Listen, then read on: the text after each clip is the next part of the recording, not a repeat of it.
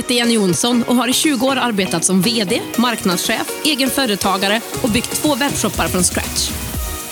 I den här podden ger jag entreprenörer konkreta verktyg och strategier för att komma igång och bygga sitt företag online. Att skapa skalbara och ökade intäkter med e-handel, smart marknadsföring och andra digitala möjligheter. Vill du få inspiration, miniträningar, steg för steg-guider och lönsamma strategier som du kan använda direkt? Då är du på helt rätt ställe. Det här är Digital entreprenörpodden.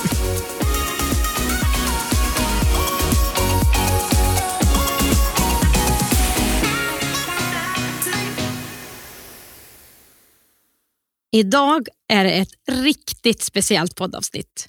Du ska få träffa den person som jag ser upp till mest på hela jorden, nämligen min enäggstvillingssyster Linda. Och ja, vi är väldigt lika till utseendet och hon är bara 11 minuter äldre än mig och en och en halv centimeter längre än mig. Men vi är lika på många sätt och olika på andra. Linda är mer lik vår mamma Kristina i att hon är konstnärlig, kreativ, trädgårdsintresserad medan jag var mer lik pappa Christer. Jag kan nog inte rita ett rakt streck med en linjal knappt. Men jag är helt okej okay på matte och jag hängde kanske hellre med pappa vid bilarna än i trädgården.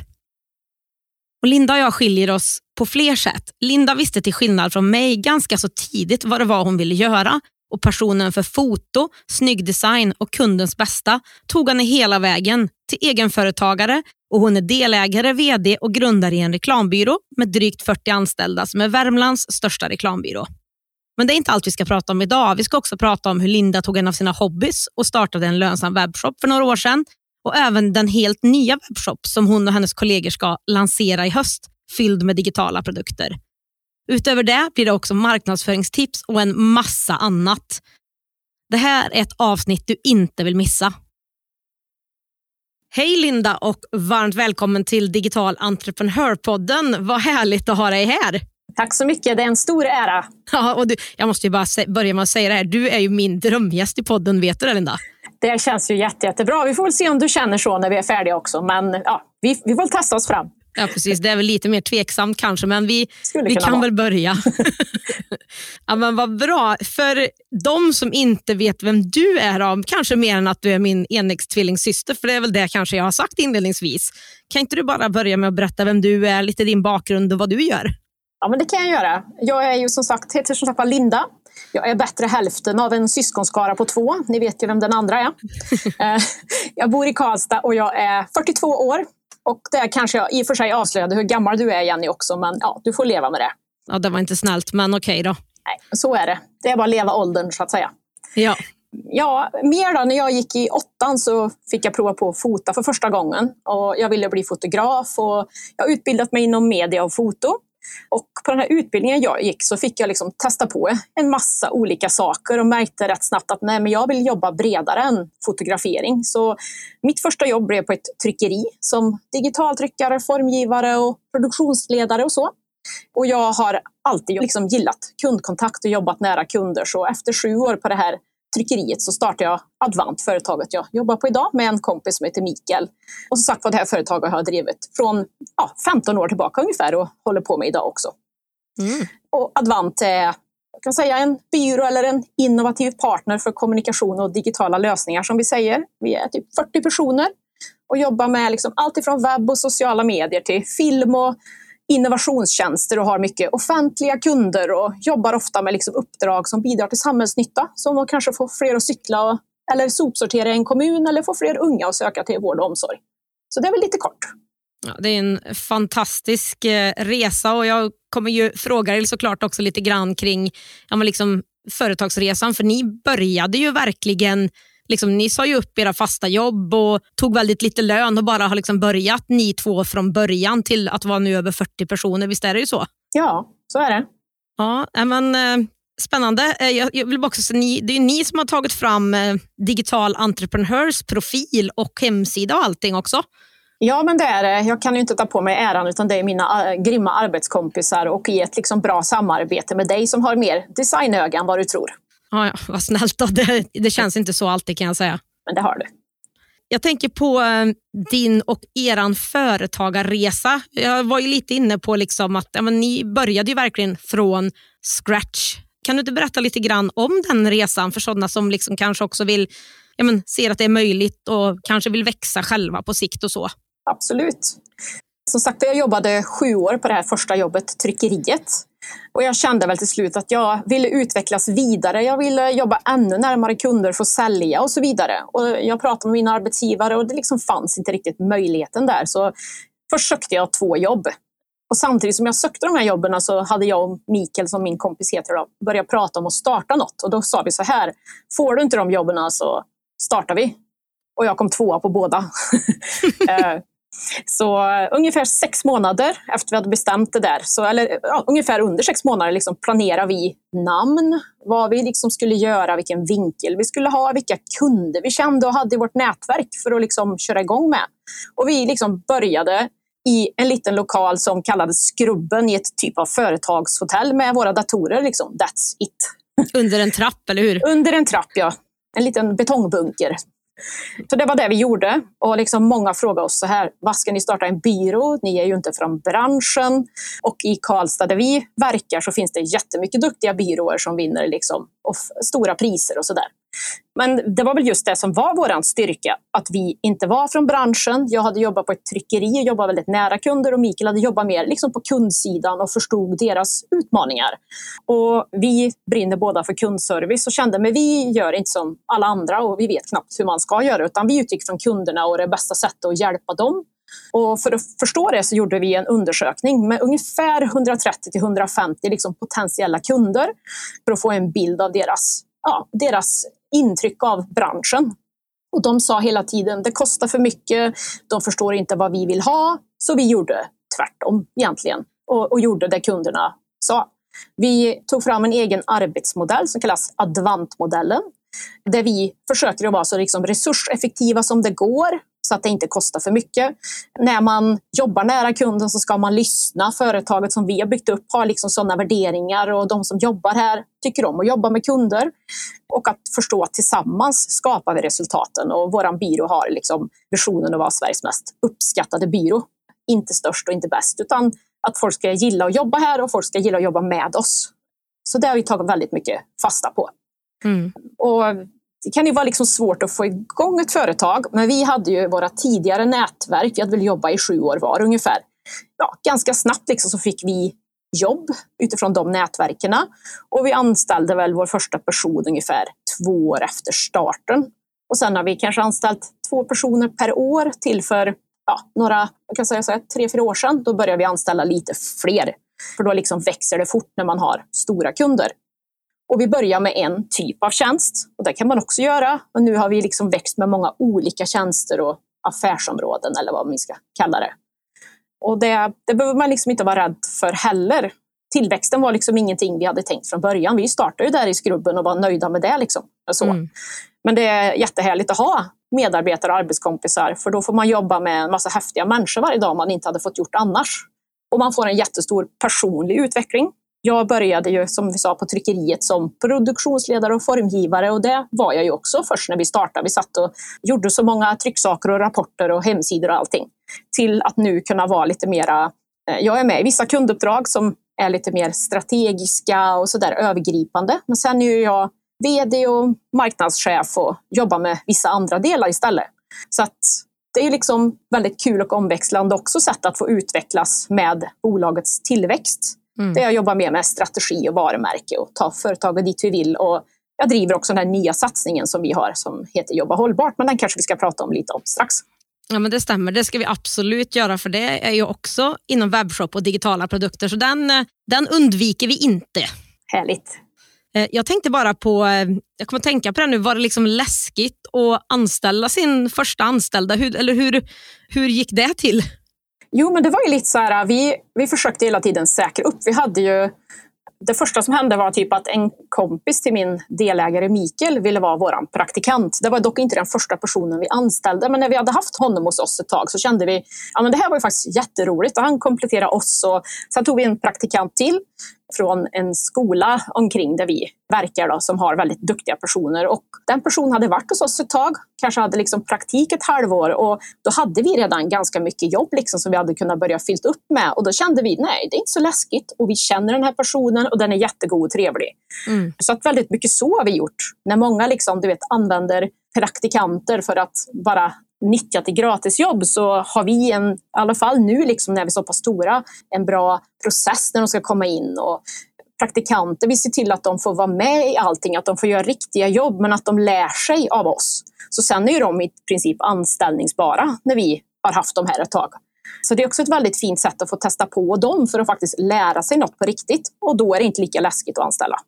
Nej, men det låter som ett, ett bra tips. Jag tänker, liksom, Har du några tips till dem som funderar på att starta företag idag? Många liksom, som jag lyssnar med och hör och som, som jag jobbar med, de känner sig kanske lite rädda. Man tvekar lite. Vågar jag? Kan jag? Tänk om jag misslyckas? Har du några tips till dem som funderar på att starta? Ja, men, eh, jo, men det kan jag väl ha. Jag tänker att uh, man måste inte tänka att det är allt eller inget eller stort eller litet eller så. Utan jag tänker börja litet och lite tryggt och liksom skala upp. Börja och greja lite på kvällar och planera liksom, och jobba när du tycker att det känns fine. Börjar det växa eller du börjar få liksom, större jobb eller så, då kan du ta tjänstledigt en period. Du kanske kan jobba 80 procent och vara ledig en dag i veckan för att jobba med det här och liksom säkra upp och låta det ta lite tid. Samtidigt vill jag bara säga liksom att man kan inte heller vänta för länge. För eh, risken är att man inte lägger nog mycket tid på den här idén liksom, och då kommer man ingenstans. Och jag sa upp mig för att pröva och då var jag 27 år och jag liksom hade inget, du vet, eh, något jättemycket saker jag behövde liksom betala för eller familj mm. med barn eller så, utan jag kunde liksom prova så jag tänker att det, det, är att prova, men man kan också säkra och bygga allt eftersom. Anställa eller liksom börja ta ut lön när det känns rätt och så. Men det viktigaste tror jag för att man ska vara Ja, man behöver ta sig tiden och man får räkna med att det kan ta några år innan det liksom lyfter ordentligt. För det märkte ju vi att fyra år in någonstans, då börjar folk liksom fatta att vi fanns nästan. Mm. Eh, vi har nätverkat mycket och gjort mycket. Nu är det liksom inte samma med en digital affär som eh, som vi pratar om här, pratar om e-handel, det behöver vi inte ta i närheten av den tiden. Men just när vi skulle bygga ett lokalt varumärke så behöver man liksom jobba sig in. Mm. Men det viktigaste tror jag om man vill vara trygg, det är att försöka ha kunder direkt. Jag hade ju ett nätverk med kunder från min förra arbetsgivare, det här tryckeriet. Han skulle inte anställa någon ny formgivare, min chef, utan han sa så här, ja men du kan ju höra av dig till de här kunderna om du vill. Så då gjorde jag rent krasst så att jag funderade på liksom, den här kunden kanske vore bra och den här och sen kontaktade jag och, och sa att nu slutar jag här och jag har fått okej okay att höra av mig till dig och vill du fortsätta jobba med mig så vill jag gärna det med dig och så. Så det var liksom ett lätt sätt och liksom, då vet man lite vad man kanske har att förvänta sig också. Mm. Sen tänker jag, kan man sälja innan man startar kanske? Mm. Kan man trygga upp kunder och försäljning på något sätt innan? Ja, ja, samarbeta med andra som redan har kunder.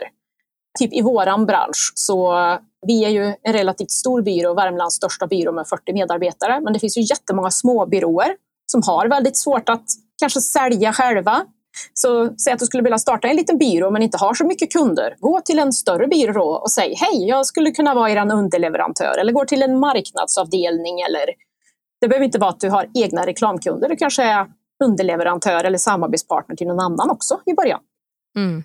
Och sen är det det här med pre-launch, att lansera innan, som jag vet att du lär ut i din kurs. Liksom. Det kan vara ett bra sätt att sälja innan man går igång, men det, det har du säkert pratat om och så. Ja, men precis. Verkligen inte bara sitta och gräva ner huvudet i tekniken och webbshoppen och bara bygga allting. För det är mycket såklart när man startar upp någonting oavsett om det är en webbshop eller företag. Utan i pre-launchen då se till att marknadsföra där man startar innan så att mm. kunderna faktiskt vet och inte bara vet på lanseringsdagen för då dröjer ju ofta kunderna. Mm. Och många är så rädda för att sälja. Jag, jag är ju verkligen ingen försäljare från början eller någonting så men jag försöker att se på försäljning som att man vill hjälpa någon annan. Alltså det är så man får se det. Skulle ni behöva någon hjälp, ni byrå med 40 anställda, av mig? Skulle du kund behöva hjälp med någonting? Finns det något jag kan bistå med? Alltså det är mer än att säga jag vill sälja till dig, så är det mer hur kan jag vara till hjälp? Kan jag komplettera på något sätt? Mm. Så man får ju tänka så, tänker jag. Ja, absolut. Jag håller med dig till tusen procent där. Och jag tänker bara med min kurs, då, startar in e-handel till exempel. Och visst, det kostar ju pengar att vara med i den, men det är ju just också när man lägger pengarna. Det är ju där liksom transformationen och förändringen börjar. När man tar beslutet att ja, jag ska starta en e-handel och jag mm. kanske investerar i en e-handelsplattform eller en kurs eller någonting. Det är ju där förvandlingen börjar. Så det är ju en, en del i det är ju att ta betalt liksom på något sätt. Så ja. Det är bara att köra på tänker jag och, och hjälpa folk att ta sig dit de vill. Ja, och jag märker också att många är lite oroliga för prissättning. Ja, men det lär ju också du ut i din kurs, liksom, hur man kan fundera på det. Och, ja, mm. Hur man, hur man liksom får rätt prissättning och man kan titta på andra och man kan fråga kunder. Det finns så många sätt. Men att ta betalt, det måste man. Att börja gratis tror jag är en väldigt dum idé med saker och mm. ting, eller väldigt billigt. För då får man kanske visst varumärke från början och man har väldigt svårt att höja priserna så mycket som man behöver allt eftersom. Mm. Jag håller med om det. Du är värd mer än att jobba gratis också. Det kan ja. man ha med sig. Mm. Ja, men jag håller med. Och rätt kunder då, om man hittar sin ideala kund eller sin kundbas, då är ju de oftast villiga mm. att betala för problemet du löser om det är nog stort. Digital entreprenörpodden görs i samarbete med Payson. Betallösningen som hjälper dig som företagare att säkert ta betalt på nätet. Oavsett om du är nystartad eller har varit igång ett tag. Efter att själv ha testat andra betallösningar vet jag att Payson är ett givet val för mig för min nästa webbshop. Jag är igång med min försäljning inom 24 timmar och jag får personlig hjälp och en partner som bryr sig om och vill boosta mig och min e-handelsresa. Det är gratis att öppna ett konto på payson.se. Det finns inga fasta kostnader eller startavgifter och dina kunder kan själva välja det betalsätt som passar dem bäst i din kassa. Läs mer och kom igång direkt på payson.se.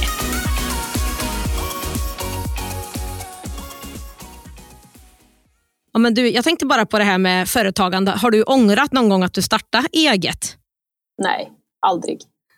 Det har jag faktiskt inte det ger, alltså man har en sån valfrihet varje dag. Jag gillar ju också att utvecklas. Jag har ju liksom tagit mig i de här rollerna som jag pratade om från formgivare och originalare och jag är fortfarande så här, gillar att skapa och göra saker liksom på datorn. Men det är också väldigt roligt när man får jobba mer strategiskt, ha ett lite större perspektiv. Um, ja, men utvecklas inom andra områden som person också, än bara sitt kunnande.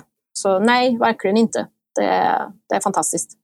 Men vad kul. Jag tänkte ändå att det var roligt att få höra lite mer om din företagarresa. För du har ju ändå gjort en, en ganska så häftig resa på de här åren. Så stort tack för att du delar med dig lite grann av det. Och Jag tänker att vi hoppar väl in på webbshoppar och i allt det här då så startar ju du en e-handel. Så kan inte du berätta om första gången du kom på idén att starta en egen webbshop och varför? Ja, men det kan jag göra, för man kan ju fundera på varför jag ens startar en e-handel när jag har ett annat företag. Mm. ja, men jag, jag gillar ju att utvecklas. Det var, handlar väldigt mycket om nyfikenhet egentligen och idén kom väl egentligen upp av att jag gillar att fota som jag pratade om och jag gör det ibland på fritiden. Och i samband med att jag gjorde typ ett litet fotoexperiment för mig själv så fick jag liksom en sommar när jag hade lite mer tråkigt än vanligt. Så eh, fick jag fram väldigt så här konstnärliga abstrakta bilder. Och den första tanken var så här, ah, snygga bilder, jag kanske kör ut en tavla till Jenny i present. Liksom. Eh, och då sa någon, ja, men det här skulle du kanske kunna sälja, de var jättefina. Jag kommer inte ihåg om det var Jenny eller min sambo som sa det. Och lite entreprenör som man är, jag väntade inte så länge utan jag ville liksom köra igång direkt och prova jag älskar ju att utvecklas och lära mig nya saker och här kände jag väl att eh, ja, men här får jag en chans att lära mig mer kring digitalisering, försäljning, marknadsföring och liksom testa hur det är på den här sidan. Så det var det som hände. Ja, för du tänkte ju då eh, såklart inte leva på den, eh, utan du, liksom, du ville lära dig, men du tänkte ju också att du skulle tjäna lite pengar och kunna köpa saker du ville ha. Eller var, blev liksom, var målet bara att lära sig? Eller? Jag vet liksom inte hur ärlig jag ska vara här. Jo, jag ville lära mig och ha roligt. Men jag, egentligen så var det så här, jag älskar ju fin inredning och så. Eh, jag ville använda, jag, dels ville jag ha roligt och testa vad jag kunde göra och sådär. Och få fram och förpacka snygga produkter. Sen gillar jag möbler och inredning så jag ville ju använda de pengarna jag tjänar eventuellt för att kunna köpa några roliga saker. så var det ju. Precis. Och mm. Det gjorde du ju, eller hur? Vi kanske kan komma till det sen. Men du eh, köpte ju en eh, ganska fin soffa kan jag tänka mig, eller någonting sånt där va? Ja, men det gjorde jag. Det gjorde jag faktiskt, eh, bland annat. Så det, det mm. gick bra. ja, nej, men vad kul. Jag tänker så här, du fotade, fick till fina bilder. Vad liksom var det för produkter som du hade och hur kom du fram till just att du skulle ha ja, men liksom kanske den kollektionen eller den? Mm. Jo, produkterna var ju posters, alltså printade affischer. Och då kallar man mer liksom konstaffischer eller konstposters, liksom, när det är sånt man inreder med. Och jag fotade liksom och testade mig fram och liksom de bilderna som blev snygga av det här väldigt abstrakta jag vet inte om jag ska förklara hur de blev, men jag liksom, eh, när man fotar så kan man ha lång, ja, lång slutartid heter det och då blir motiverna på bilderna eh, rörliga och dimmiga kan man säga. Mm. Så jag liksom sköt runt, ställde upp min kamera och fotade ner mot bordet om man säger så, neråt och sköt runt en massa liksom, tidningsurklipp, bilder, färger så att det blev en abstrakt tavla liksom, i bilden. Och de här liksom, kan man ju verkligen säga att de blev ju precis vad de blev. Det var inget jag styrde över. Så jag liksom testade mig fram och bilderna som blev konstnärligt snygga, de tog jag med. Ett problem med det här förhållningssättet som jag märkte sen, det var ju mer att jag inte skapade de här tydliga serierna och kollektionerna, utan det blev mer som det blev. Det gjorde att det blev lite svårt att matcha med varandra och att de ändå blev relativt lika till en början. Mm. Så jag gjorde också några andra typer och tekniker. Jag har målat lite och sådär, så att det blev liksom mer abstrakta tavlor. Jag gjorde posters som kunde sitta bredvid varandra och komplettera varandra, vilket som var liksom ganska nytt där motivet börjar på den vänstra posten och fortsätter över till den högra. Och jag lärde mig av det, men ja, just posters och lite olika så gjorde jag. Den här heter väl Northern Story. Var, liksom, hur kom du fram till det namnet? Nordisk historia typ då? Ja, men det är, för det första är det ganska svårt att komma på namn tycker jag. kräver ju tålamod. Eh, det mm. jag är begåvad med ganska lite av. Så. Vi är lika där du och jag tyvärr. det är väl så. men eh, jag kan berätta lite om tekniken jag använde. Jag tror jag till och med lärde mig den av dig. Men jag skrev ner en massa ord som jag tyckte kändes rätt. Det här nordiska, jag skrev ner Norden, poster, du vet massa sånt som jag kändes rätt utifrån det här varumärket jag ville skapa, lite mystiskt abstrakt. Sen googlade jag liksom på en massa ord, frågade folk, hittade synonymer och sen skrev jag liksom ner orden bara efter varandra, rätt och slätt. Och sen så började jag kombinera dem på en massa olika sätt och till slut så landade jag i det här förslaget. Jag har ju prövat andra också. Men när jag landade där så liksom kollade jag alltid att det gick att få en www-adress och att det gick att få sociala mediekanaler säkrade. Liksom. Det var det jag gjorde innan jag liksom valde namnet helt. Så, och sen körde du bara igång och då gjorde du logga och såna här grejer själv då? Precis. Eller? Ja, jag tittade ju att det liksom gick att starta och sådär och allting. Och sen så gjorde jag logga själv eftersom jag är formgivare så gjorde jag det och design på, på webbplatsen som gick i den här lite nordiska minimalistiska stilen. Och sen var det ju väldigt mycket liksom form på mina posters. Så då var det det som fortsatte liksom att bli, ja, bli linjen igenom om man säger. Men jag tänkte bara, det är väl ett tips tänker jag. Visst eh, hade du sådana mockup-bilder som produktbilder i webbshoppen? Det hade jag till viss del. Dels fotade jag egna bilder i miljöer, men sådana här mockup-bilder som är liksom miljöbilder som är tom, det sitter en tom poster på väggen med ett snyggt rum som någon annan har fotat. Mm. Så monterar man in sin bild själv där. Sådana använder jag också mycket eh, faktiskt. Mm, för att få lite mer bilder. Ja. För Det kan vara ett bra tips. tänker jag. Det finns ju, mm. men, som, som Linda säger, det, det är liksom ett jättesnyggt rum och sen är det en tom ram nästan som man mm. sätter in sin produkt i. Men det här finns på andra eh, saker också. Så känner man med sig att det här skulle kunna vara en bra väg så kan man söka på mockup så kan man få fram lite olika mm. varianter. Ja, det är ett jättebra tips. Jag tänker så här, prissättning av dina produkter. Hur jag vet att vi pratade en del om det, du och jag, hur man skulle tänka och sånt där. Men hur, hur gjorde du? Vad, vad land, hur, hur landade du priserna? Ja, jag ringde ju dig. Även skämt åsido så gjorde jag faktiskt. Och så hjälpte du mig att räkna och se hur jag skulle ha, vilka marginaler jag skulle ha och på vilket sätt. Sen så tittade du och jag också på liksom vad andra tog. Vi gjorde valet liksom att lägga oss lite mer så här premiumsegment och då för så fem år sedan eller något när jag började så var det typ 700 spänn för en större poster när Desenio de här kanske tar 299 och så vidare. De börjar bli stora då. Mm. Så att lite mer det där för att stärka den här varumärket, positionen, att det ska vara lite mer premium. Mm. Men också, jag kommer ihåg att du sa så här att ja, men då kan du sälja färre liksom, men ändå tjäna samma summa i princip. Mm. Så då kände jag bara att jag kommer aldrig kunna sälja de volymerna som Desenio kan, så att säga. Mm. Utan det är en smartare strategi. Och sen kommer jag ihåg också att vi var varit på Formex, mm. Eh, det är en mässa liksom för inredning och sådär. Och då tittade vi, kommer jag ihåg, på vilka marginaler och påslag och sådär som återförsäljare hade. Och så också vi skulle veta liksom vilka marginaler vi behövde. Och, ja, så tänkte jag också så sen när jag började liksom att sälja till återförsäljare och så. Ja, för det gjorde ju du. Du hade ju både återförsäljare och sålde direkt till slutkund. Och vad var det som gjorde att du liksom tog det valet och inte bara kanske sålde ut till kunder? Ja, men det var väl eh, att jag trodde att man kunde få mer volym och det kan man ju. Och liksom få testa hur det funkar, sånt gillar ju jag. Mm. Och tanken var också så här, en återförsäljare är ju så pass stor och de köper ju typ all trafik på sökord som poster eller affisch. Eh, så jag tänkte join them mm. istället för att försöka beat dem. Mm. och det var ju en bra tanke också.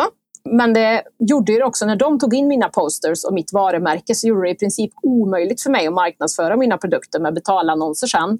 För de köpte mina sökord, hade en högre budget och de kunde ju ibland då pressa priserna, sänka priserna. Mm. Så skulle jag liksom göra om det idag så skulle jag försöka tänka ett varv till och se långsiktigt på vart jag vill. Och hur återförsäljare i så fall passar in i den kedjan då på sikt. Mm. Kortsiktig försäljning, jätte, jättebra.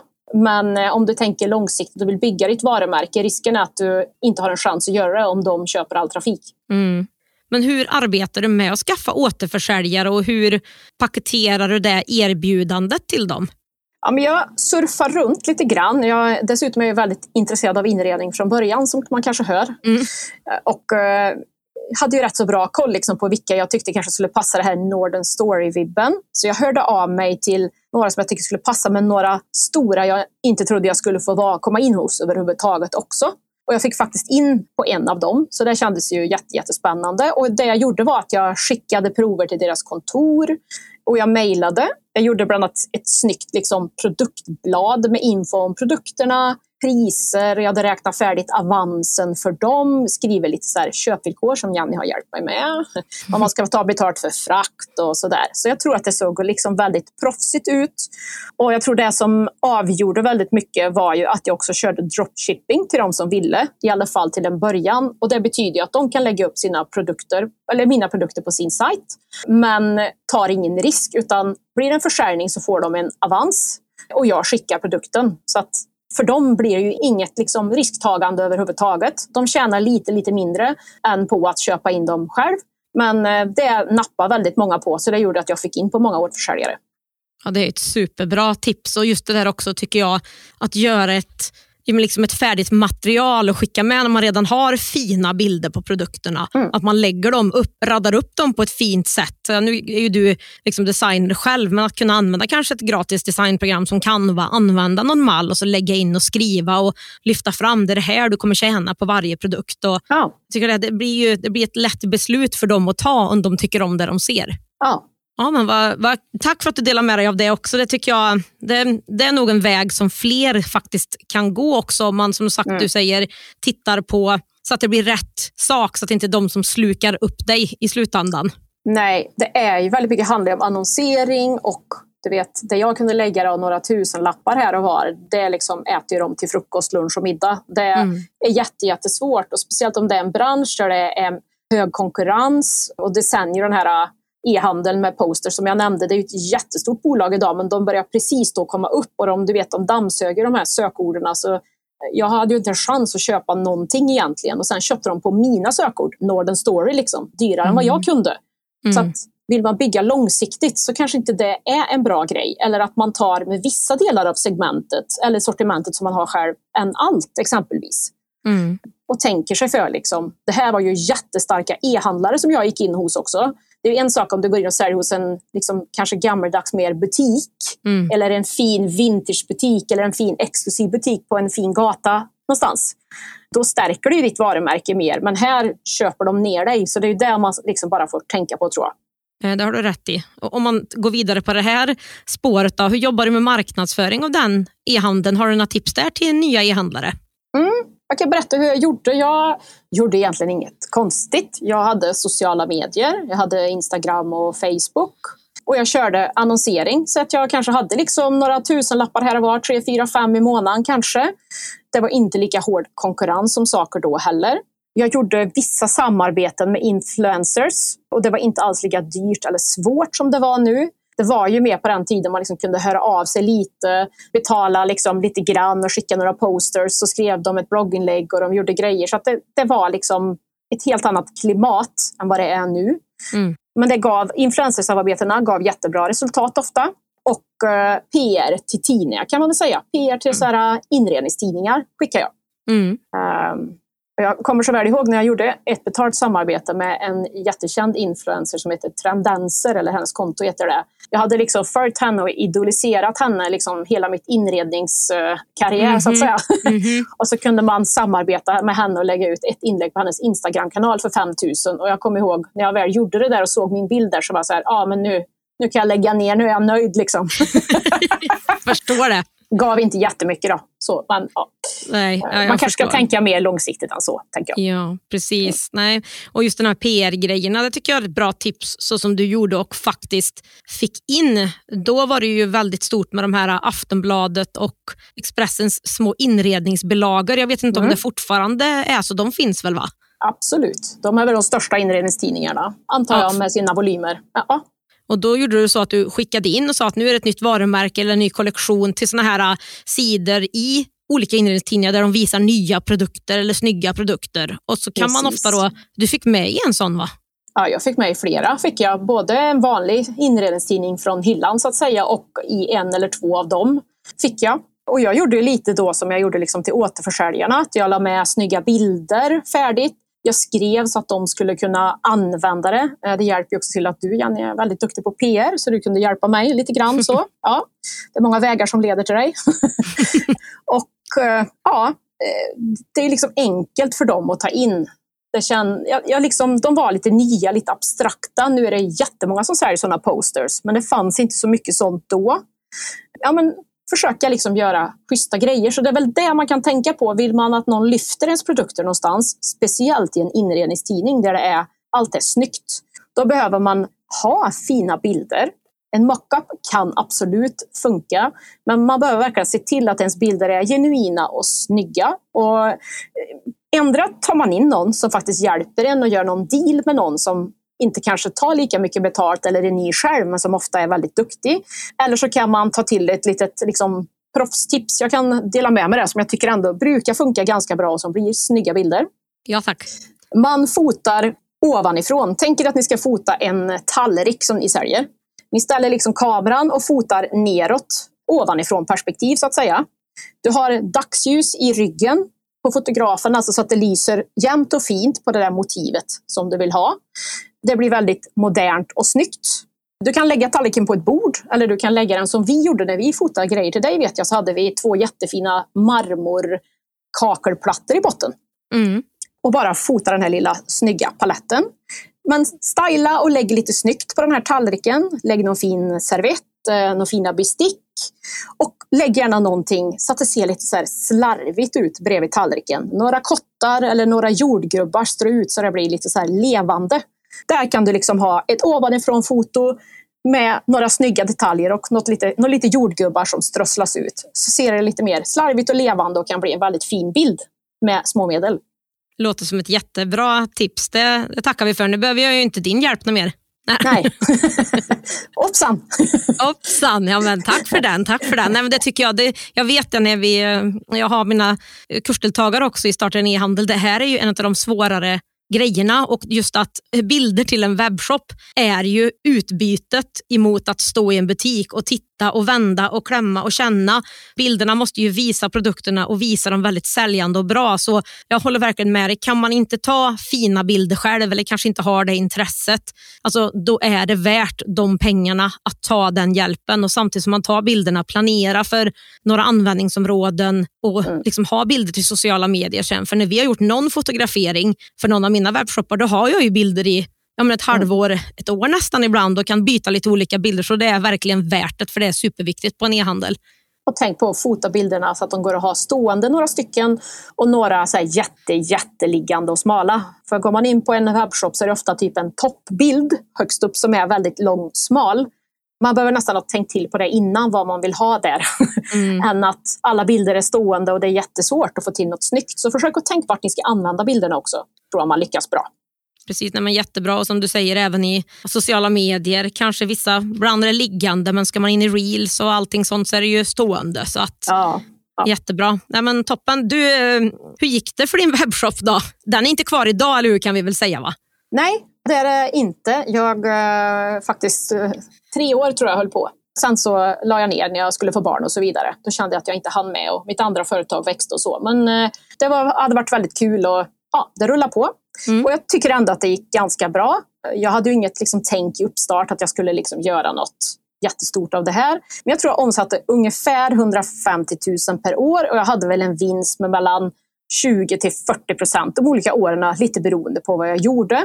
Och jag fick ju ändå bra marginaler för som sagt jag jobbar på ett tryckeri jag tryckte ju de här posterserna där. Jag behövde inte trycka så många av varje utan jag fick liksom bra priser och tryckte små serier, fem av den och två av den och så vidare. Så jag tog inga risker med stort lager. Ja, för pengarna jag tjänade köpte jag soffa och jag köpte någon stol. Ja, ni förstår. Det var... Mm. så det gick bra det, tycker jag. Ja, och det var ju ditt syfte och mål med det. Och du skickade själv, va? Du, du låter aldrig liksom tryckeriet skicka rullarna?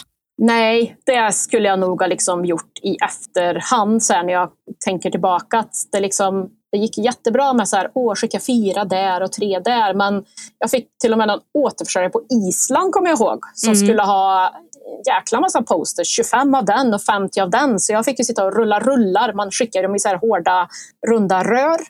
Klistra på etiketter, packa så det skulle hålla. Du vet, det var grejer i hela köket och i hela rummet. Och Mm. Så att någonstans där hade man ju liksom eh, kunnat låtit tryckeriet skicka det. Det kan man ofta göra, det heter väl 3PL eller trepartslager eller så. Mm. Men jag kommer ihåg då att jag blev lite snål. Så här, de skulle ha 120 eller 150 kronor för att skicka dem och så, här, så tänkte jag nej, det löser jag. Men nej, ska man göra det på en kväll och du vet, eh, tjäna lite, men då är det lika bra att dela med sig av det för att slippa det. För det, det ska göras varje kväll när man är trött annars. Precis, och just det, här, det är därför det är så viktigt också att fundera på innan man startar en webbshop eller ett företag, vad det är som är viktigt för en själv. Tycker man om att gå och pyssla och göra och är kreativ och vill packa och mm. göra kanske produkterna själv, ja, men då tar man ju en sån webbshop. Vill man mm. ha total rörelsefrihet, man har kanske inte all tid i världen på kvällen som du säger, utan då kanske det är värt att lägga på ytterligare kanske lite grann och låta någon annan sköta hela den kedjan och bara vara den kreativa och marknadsföraren egentligen. Precis. Det, är väl det går ett... att förändra också. Ja, absolut. Börja någonstans ja. Var det svårt att starta en e-handel tycker du? Alltså, I grunden är det ju inte komplicerat faktiskt. Men det kan ju ta mycket tid om man inte vet hur man gör. Det är ju det liksom. Det är ett val här och du ska skriva en text där för köpvillkor eh, på din sajt. Och det liksom det tar den här onödiga tiden som man inte har. Så därför tycker jag liksom den kursen du har, den är jätte, jättebra. Där får man liksom A till Ö hur man ska göra. Och man får på ett liksom proffsigt sätt kunskaper som är så himla mycket viktigare än vad man tror. Typ lönsamhet. Många startar en e-handel, smackar upp produkter och tänker att ja, men det här blir jättebra. Men man har så liten lönsamhet och så liten avans. Du måste liksom räkna rätt från början när du prissätter. Annars får du ingen vinst kvar. Du kan ju liksom sälja hur många som helst, miljontals produkter. Men tjänar du nästan inget på varje så går det ju nästan minus liksom på all den här tiden och pengarna du lägger ner. Mm. Så det blir inget bra, det blir bara slitigt och du får inget för det. Så vill jag göra liksom om igen eller börja om eller liksom starta något nytt överlag. Jag vill ju lära mig av andra som har gått före och kan, så man undviker det där tidskrävande och kostsamma fällorna egentligen. Och det tycker jag gäller även de som har en e-handel idag. Man måste ha koll på lönsamheten. Alltså jag skulle kunna tänka mig att för många är det värt att bara gå din kurs med de pengarna den kostar. De kommer tjäna in den på att bara lära sig om hur man tar betalt och på vilket sätt. Det är jätte, jätteviktigt. Vad har, du, har du några mer tips eh, till sådana som vill starta en e-handel? Ja, men jag tror så här, liksom, utgå från något du kan och sälj på nätet. Det är väl en enkel så här, ja. Mm. Välj något du brinner för och tycker är kul. För här ska du liksom lägga ut inlägg, du ska fixa nya produkter och så. Väljer du något tråkigt inom situationstecken som du inte tycker är så kul så tröttnar du ju liksom efter två veckor. Då blir det inte så himla roligt, tänker jag. Utan du ska ju orka. Liksom. Det här företaget Advant som jag har nu, det har jag haft i 15 år och jag liksom älskar att gå till jobbet varje dag och få träffa de här människorna och kunderna och jobba med det jag gör. Och du kommer inte orka hålla ut om du inte tar någonting som du verkligen tycker är härligt. Och sen tänker jag utgå från det behov som du själv har och kanske behöver få löst. För andra har säkert samma problem. Ja, och Det är väldigt smart att vara en del i målgruppen också egentligen för att eh, då har man bra koll på argument och vad man kan säga i marknadsföring och sådär. Ja, det är det enklaste sättet för då känner man ju målgruppen väldigt bra själv. Digital entreprenörpodden görs i samarbete med Ebbecart, en av Sveriges största e-handelsplattformar. Ebbecart vill ge alla möjlighet att starta och driva en grym webbshop och är den plattform jag själv använder och rekommenderar för dig som vill starta din e-handelsresa. På ebbecart.se kan du testa, bygga och till och med börja sälja i din e-handel under 30 dagar innan det kostar en enda krona. Kom igång direkt på ebbecart.se.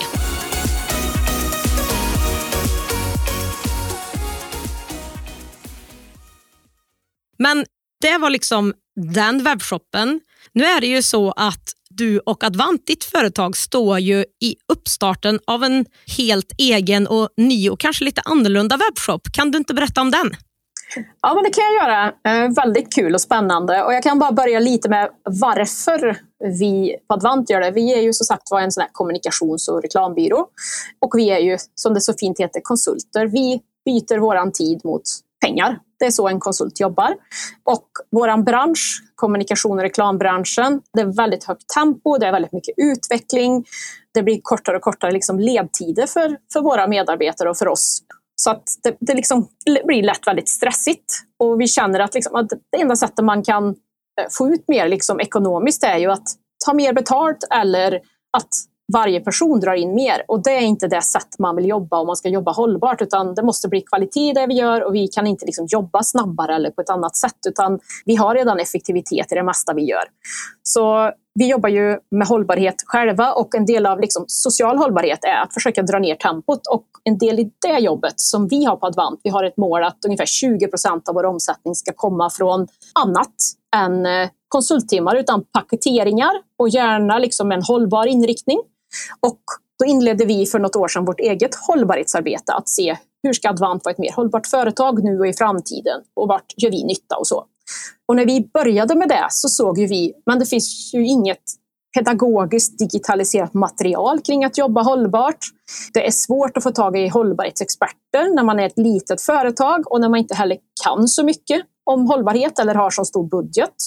Så efter ett tag så liksom bestämde vi oss för att nej vi skapar en marknadsplats för hållbarhet och vill göra hållbarhet mer konkret och mer inspirerande än att liksom det är pekpinnar och doomsday.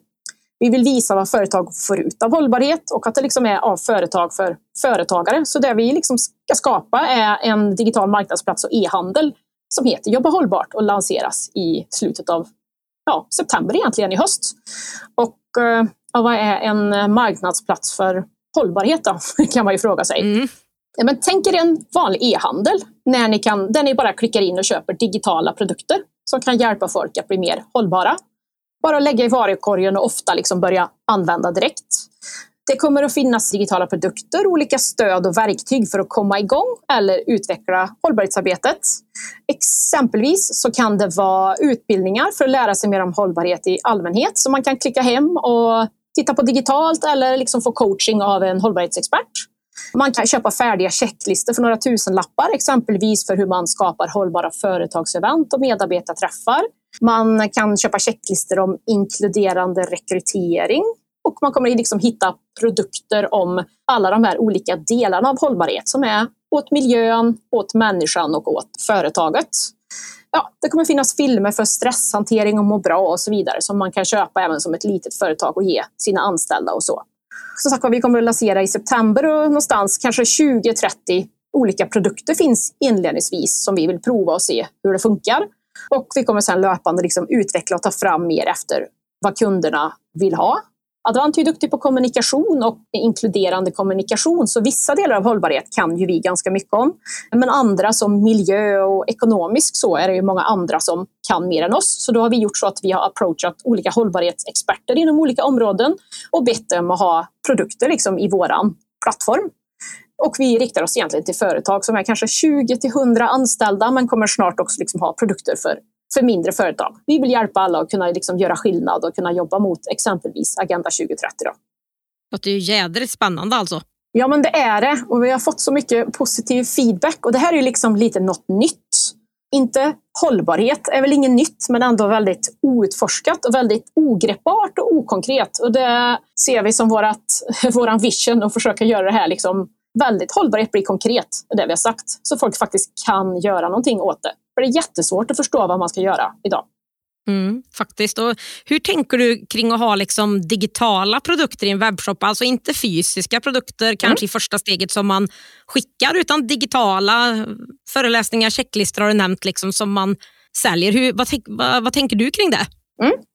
Ja, men jag, överlag så tycker jag att det är ju supersmart. Man gör dem ju en gång och sen finns de ju kvar och kan säljas många, många gånger.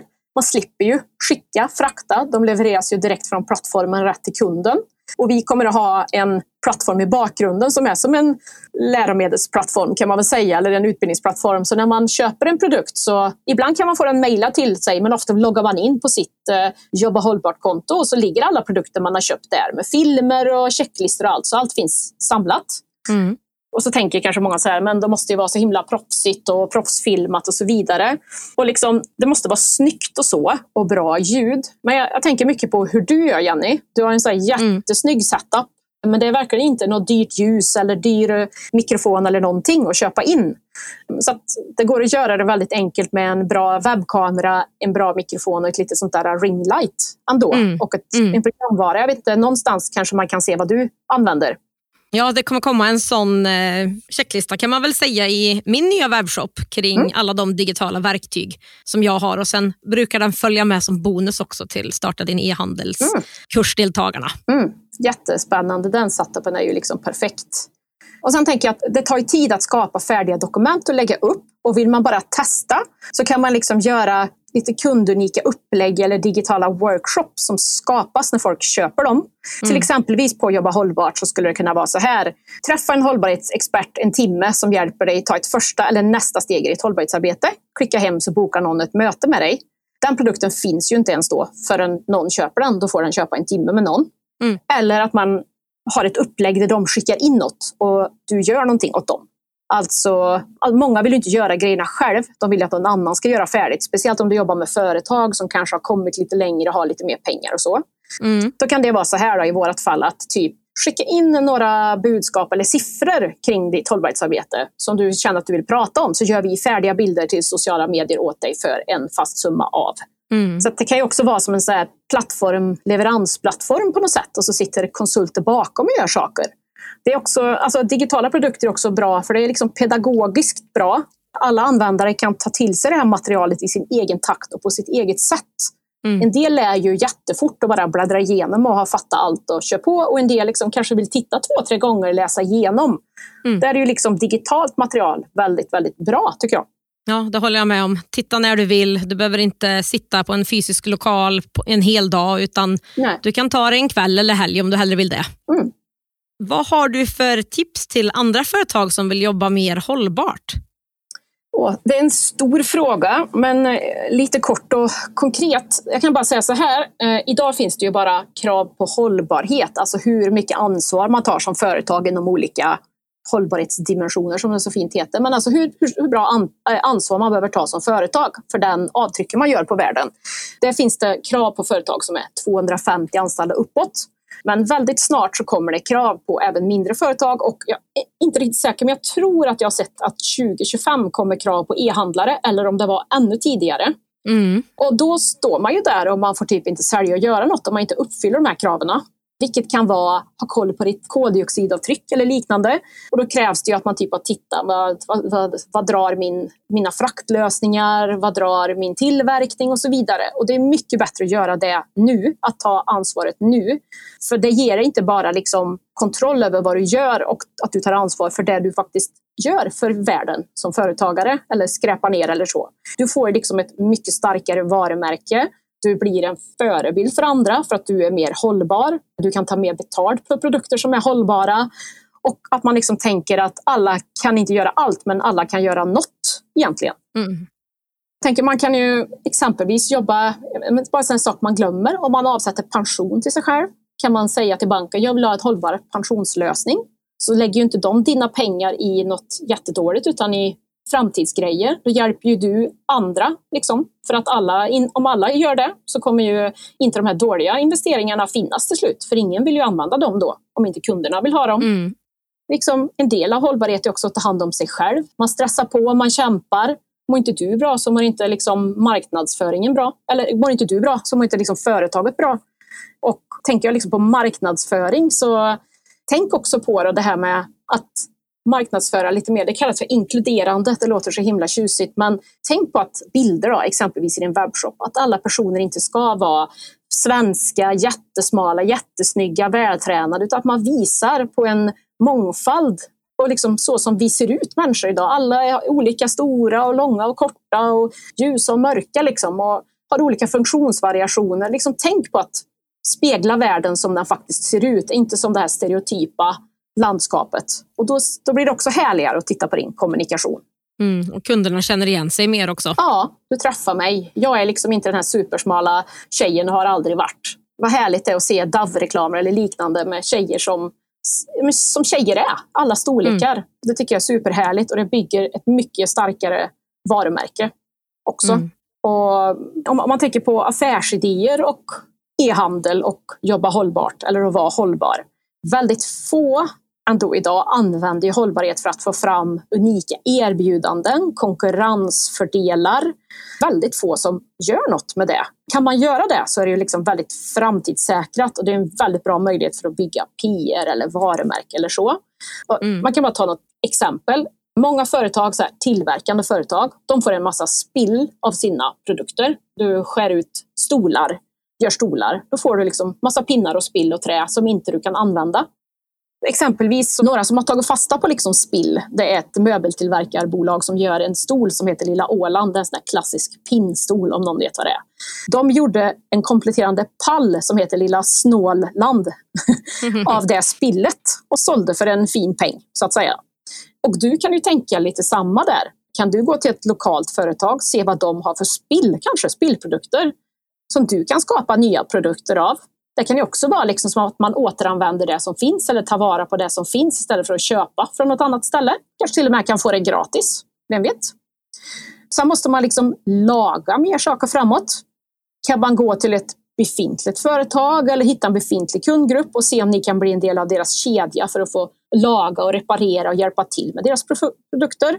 Och även kanske liksom hjälpa andra via e-handeln sen med samma sak. Mm kan man hyra ut saker istället för att sälja dem. Vi har en kund på Advant som säljer stolar, men som också försöker hyra ut dem istället till de mm. företagen. Så att det är också väldigt bra för miljön att återanvända dem och de inte blir stående. Men det är väldigt bra för kunden också, för då Säg att jag är 1,73 och sen kommer det Gustav få mitt jobb som är 1,92. Våra stolar liksom kommer inte behöva vara lika. Då kan Gustav få en ny stol som är anpassad för honom och så byts de ut. Återanvänds igen. Så det är också liksom win-win på många sätt. Och eh, jag tänker ett sätt kan också vara, många har saker hemma som bara ligger och skräpar. Kan man hjälpa folk att sälja saker som bara ligger hemma? Eh, så att de blir använda på nytt. Det är också liksom ett, ett väldigt bra sätt liksom, att jobba med miljön. Och man kanske inte måste tänka så nationellt från början. Man kanske kan tänka lite mer lokalt och att man kan skicka in och köpa via den här e-handeln, tjänsterna eller så. Ja, det är ju superbra tips. Eh, tack för affärsutvecklingsstunden säger jag då. ja, men vad bra. Jag, jag tror att det finns så extremt mycket potential i det här. Och som bara vi nu som jobbar med det här Jobba hållbart och plattformen, alltså så mycket dörrar öppnas för oss då.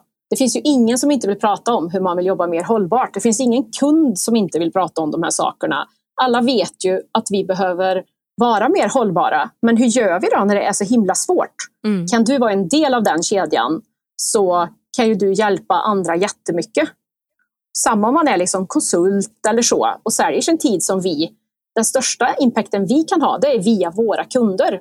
Kan du lära dig mer om hållbarhet exempelvis om du är konsult för att kunna hjälpa dina kunder bli mer hållbara?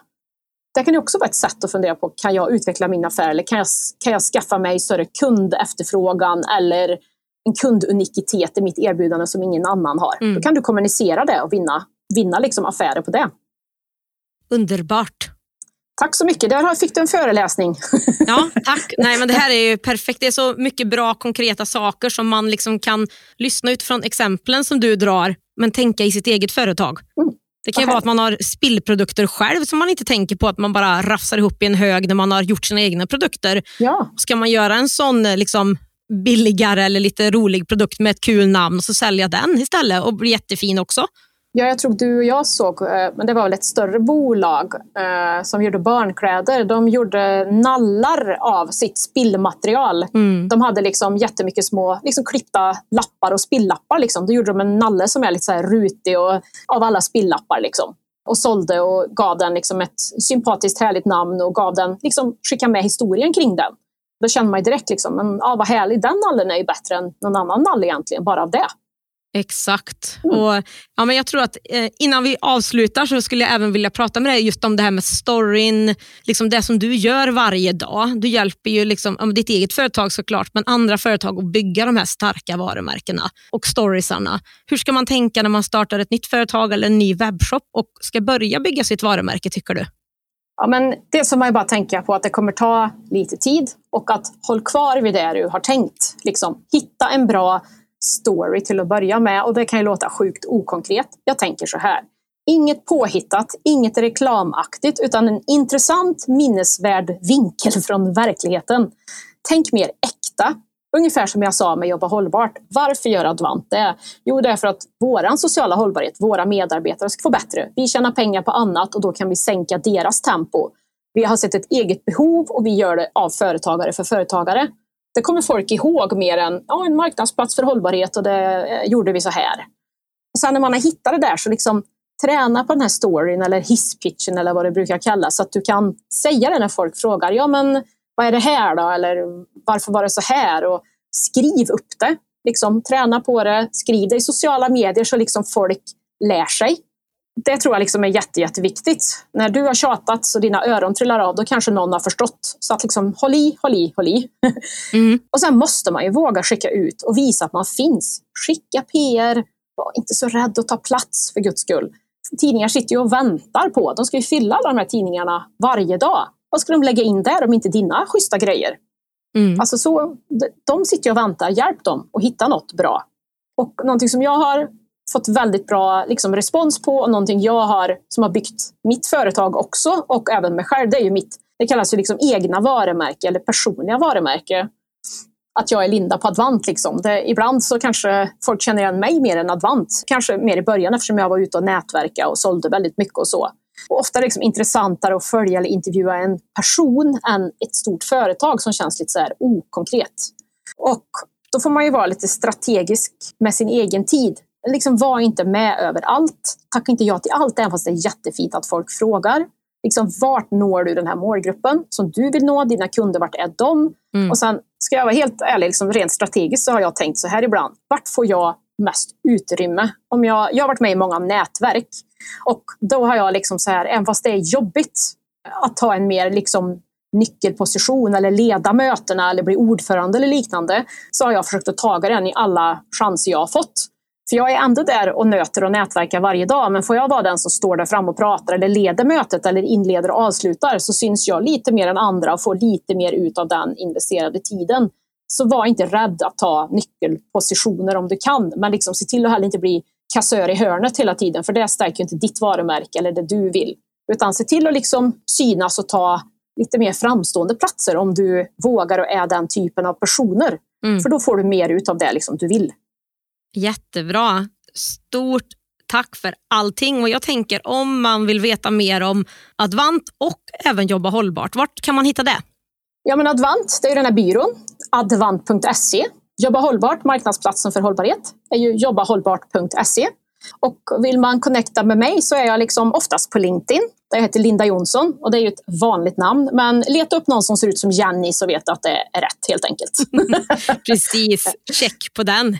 Och sen vill jag bara säga att eh, ja, jag vill lyfta dig som den grymma entreprenören du är. Har du inte hört Jennys historia så tror jag det finns i någon podd. Men Jenny har jobbat väldigt mycket med event förut. Fysiska event. Sen kom liksom covid. Ingen gjorde nu fysiska event. Nu kapar du här Linda. Nu ja, kapar du podden här. Jag, nu kapar jag podden. Nu fick jag en chans. Mm. Det hade ju varit 15 000 lyssningar så nu får jag en chans här.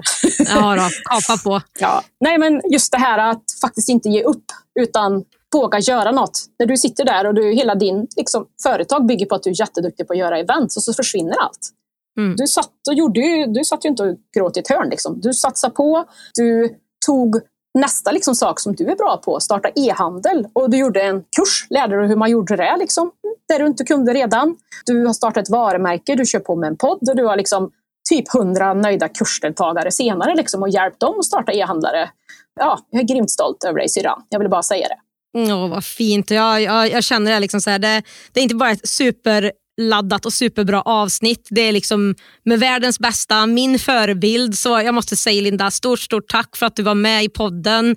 Jag ser verkligen fram emot att följa den här nya webbshoppen, jobba hållbart framåt och ja, men, få fortsätta hänga med dig varje dag bara. Härligt, detsamma. Wow, vilket fulladdat avsnitt. Jag gillar verkligen alla konkreta tips som Linda delade med sig av och även hennes företagsresa och alla tips kring det. Jag hoppas du känner samma sak. Och så spännande med en webbshop med enbart digitala produkter och just med fokus på hållbarhet. Efter det här poddavsnittet hoppas jag också att du funderar på vart hållbarhet ska komma in i din verksamhet eller din webbshop. Vill du veta mer om Advant hittar du det på advant.se och samma namn i de sociala medierna Advant. Och den nya webbshoppen för hållbarhet som lanseras i september, Jobba hållbart, den hittar du på jobbahållbart.se och Jobba hållbart i sociala medier. Vill du veta mer om min kurs, Starta din e-handel och vill ha steg för steg guidning till din egen e-handel så kan du kolla mer på startadinehandel.se Visste du att jag också har en gratis guide du kan ladda ner om du känner att du också vill ta steget från anställning till att bli din egen boss? Konkreta och handfasta to-dos, som sagt bara att ladda ner och sätta igång. Och Jag lägger länken till Be your own boss här under poddavsnittet. En sammanfattning av det vi har pratat om idag och en länk till mina samarbetspartners, e-handelsplattformen Abicart och betallösningen Payson hittar du på digitalentreprenör.se podd. Där finns också en länk till mina sociala medier där vi kan ses och du kan ställa till frågor till mig mellan poddavsnitten. Och I nästa avsnitt ska vi prata om idéer på vad du skulle kunna sälja i en webbshop och vart du hittar trendande produkter. Vi hörs då!